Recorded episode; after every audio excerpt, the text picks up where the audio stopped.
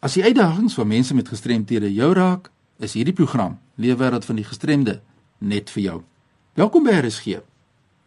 'n Paar luisteraars is op soek na die kontakbesonderhede van Ingrid Voorwerk Merren en ons het gesels oor beroerte ondersteuningsgroepe in 'n vorige program. Haar kontakbesonderhede is voorwerk.merren, merren met 'n e @gmail.com. Dis die kontakbesonderhede of as jy enige inligting moet soek, stuur dit sommer aan my, ek sal dit deurgee aan die regte persone. Maar kom ons leer vandag meer uit die leefwêreld van Martie Marie Kune. Welkom by RC Martie Marie. Hallo Fani. Nou ja, kom ons hoor watter tipe gestremdheid het jy? Ehm um, Fani, my gestremdheid word geklas as 'n linkshandige hemipleeg.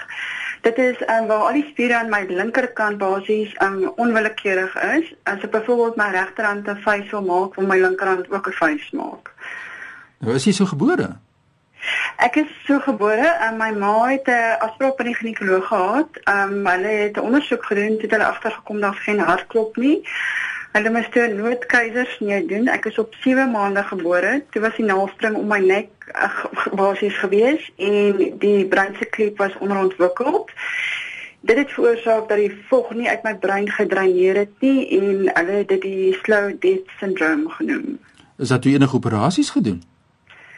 Hulle het hulle moes 'n shunt insit om my vog te dreineer en maar die operasie eers gedoen toe ek so net oor 'n jaar was. Nou kom so lank gewag, is dit 'n spesifieke rede daarvoor gewees?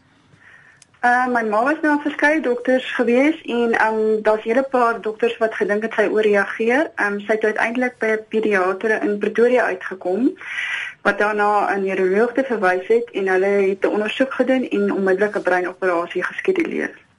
Jy wat nou net by ons aangesluit het, ons kyk na die leefwêreld van die gestremde en ons praat met Martha Marie Kene en ons kyk na haar lewe en die impak van gestremdheid op haar lewe. Ek wil graag vir jou hoor Martie Marie, uh wat was die dokter se prognose op daardie stadium as jy mens nou mooi kyk na in terme van die letsels of jou gestremdheid of verlies wat jy nou dan nou sou beleef daarna? Wat sê jy vir ons daar?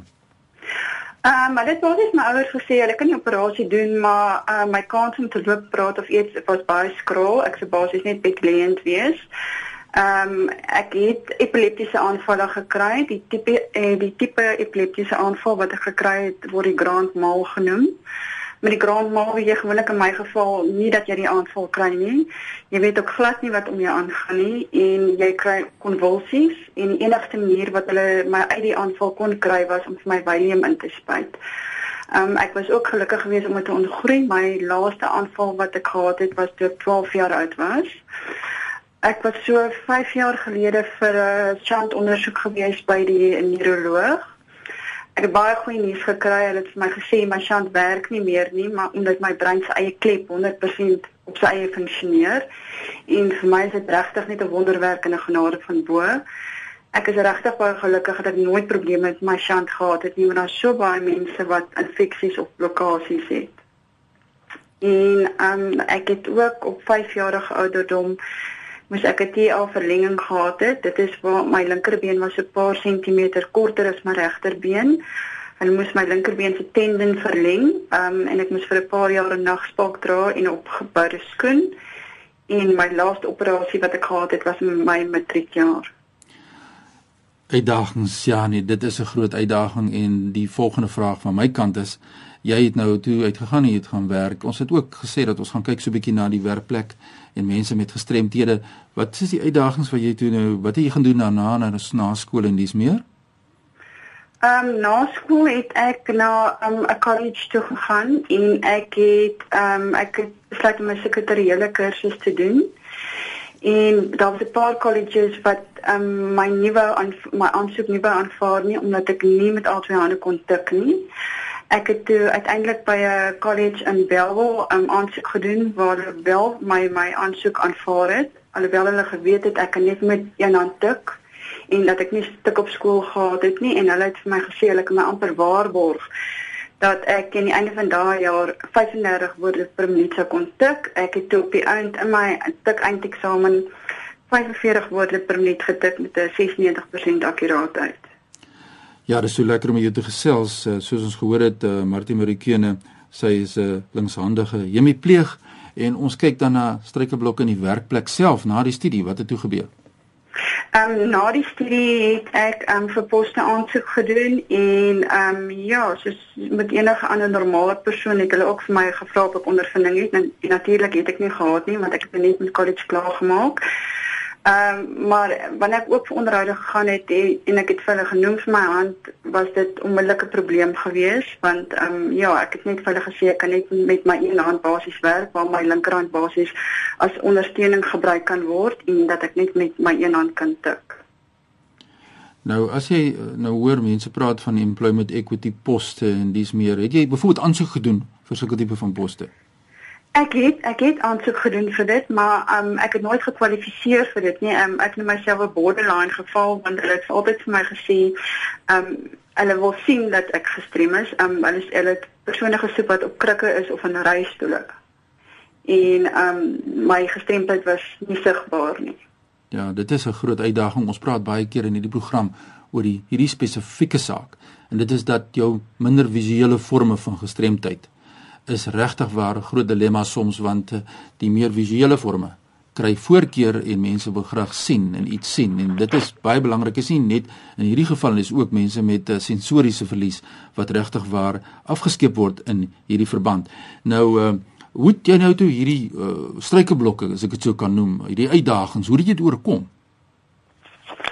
Um, ek het basies maar soos enige ander persoon het ek net aansoek gedoen vir die poste en ek het maar gehoop hulle kyk maar in my Martemarie met potensiaal vas wat het potensiaal het en nie my met Martemarie met gestremdheid nie. Nou waar werk jy heidaglik? Ek werk heidaglik by spraakterapeut en audioloog by Parkline Hospitaal in Parktown. Hoe voel jy oor jou huidige werksomstandighede?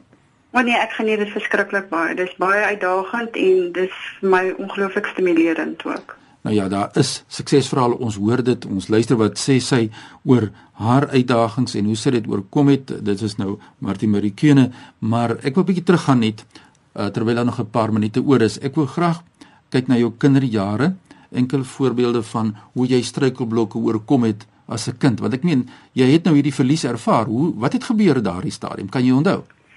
Daar's 'n paar gevalle ja. Ek moes byvoorbeeld wat wat vir 'n normale persoon maar net van selfsprekend is wat hulle kan doen is wat, waarmee ek gesukkel het was byvoorbeeld om 'n veter vas te maak. So ek moet 'n hele paar ure spandeer om 'n veter vas te maak, maar ek het dit op die eind reg gekry.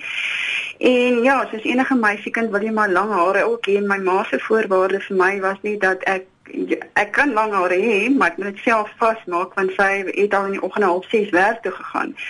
Met die gevolg ek het ure Saterdag in die week vir die speel spandeer en ja, practice makes perfect en ek het by aanself my hare kon vasmaak. En ehm um, ek het ek het twee broers ook en my een boetie het het 'n uh, Donkey Kong speletjie gehad en vir my was dit so van 'n uitdaging want ek wou dit ook graag speel en die kontroles was net so dat my linkerhand nie die kontroles op die linkerhand op die linkerkant kon doen nie en met die gevolg was ek moes die speletjie onderste bo speel vir die op en af bewegings aan dat dit aan die regterkant is en die springknop aan die linkerkant en ja ek het op die einde telling van oor die 3000 gekry waarmee hy nie baie gelukkig was nie maar ons lag nou daaroor so En ehm um, ja, ek het ek het byvoorbeeld so slime maak het ek ehm um, ook 'n uitdaging gehad want byvoorbeeld 'n simpel ding vir 'n normale persoon soos tomaties sny.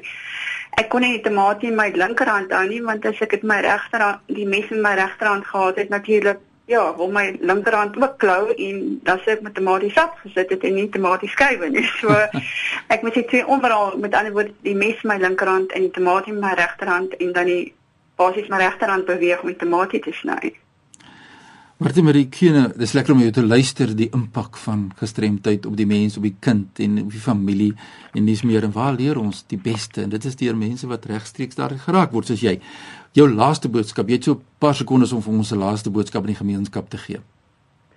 Ehm um, basies wat wat my my vraag is jy waar waar word die, die streep getrek met die kwotasiesisteem en die gestremdes? Ehm um, byvoorbeeld ek weet daar's gestremdes wat wel in die normale werksomstandighede kan werk, wat dalk nie hulle gestremdheid dit so so so affekteer nie, maar in my geval is dit basies ek kan nie 'n vinnige werkspoed werk nie want dit kan dit veroorsaak 'n spasma. So Ehm um, ja, my vraag is basies net waar waar pas ons borderline gevalle in die in die werksplek? Ja, dis 'n baie groot uitdaging aan mense buite. Daar's mense in die arbeidsverhoudinge veld wat vir ons hierdie antwoorde moet gee. Hoe word dit in die praktyk toegepas? Die verlies wat 'n mens beleef en hoe daardie verlies dan verhoed dat jy gelyke basis kan meeding en ja, nou wat is nou genoeg verlies en wat is dan nou gestremdheid? So ek hoor graag, maak nie saak waar jy jouself in Suid-Afrika bevind nie. Is jy 'n mens met 'n gestremdheid, 'n mens met 'n verlies? Wat is jou belewenis van jou gestremdheid in terme van die arbeidsmark, gelyke geleenthede en dis meer in die werkplek. So dis baie lekker om met jou te kom gesels, Martie Marikene. Gee vir ons jou kontakbesonderhede as mense met jou wil skakel. Ehm um, my selnommer is 084 209 5393 en my e-pos is mmkene@gmail.com. Herhaal net vir ons hier daai telefoonnommer. 084 209 5393. Nou so sê Martie Marie Kene en sy het met ons gesels oor haar lewe. Baie dankie, dit was lekker om jou te gesels. Baie dankie Fani. Indien jy enige insette wil maak of voorstel het in hierdie program, stuur sommer nou 'n e-pos aan my by fani.dt@mweb.co.za. Jy kan my volg by op Twitter by Fanny Dreams. Gesels ons saam oor die lewe wêreld van mense met gestremthede. Onthou hierdie program word Woensdaoggende om 3:15 herhaal en natuurlik jy kan ook hierdie programme aflaai van Potgooi of deur middel van Potgooi. Gaan net na RSG se webtuiste rsg.co.za. Groete uit Kaapstad.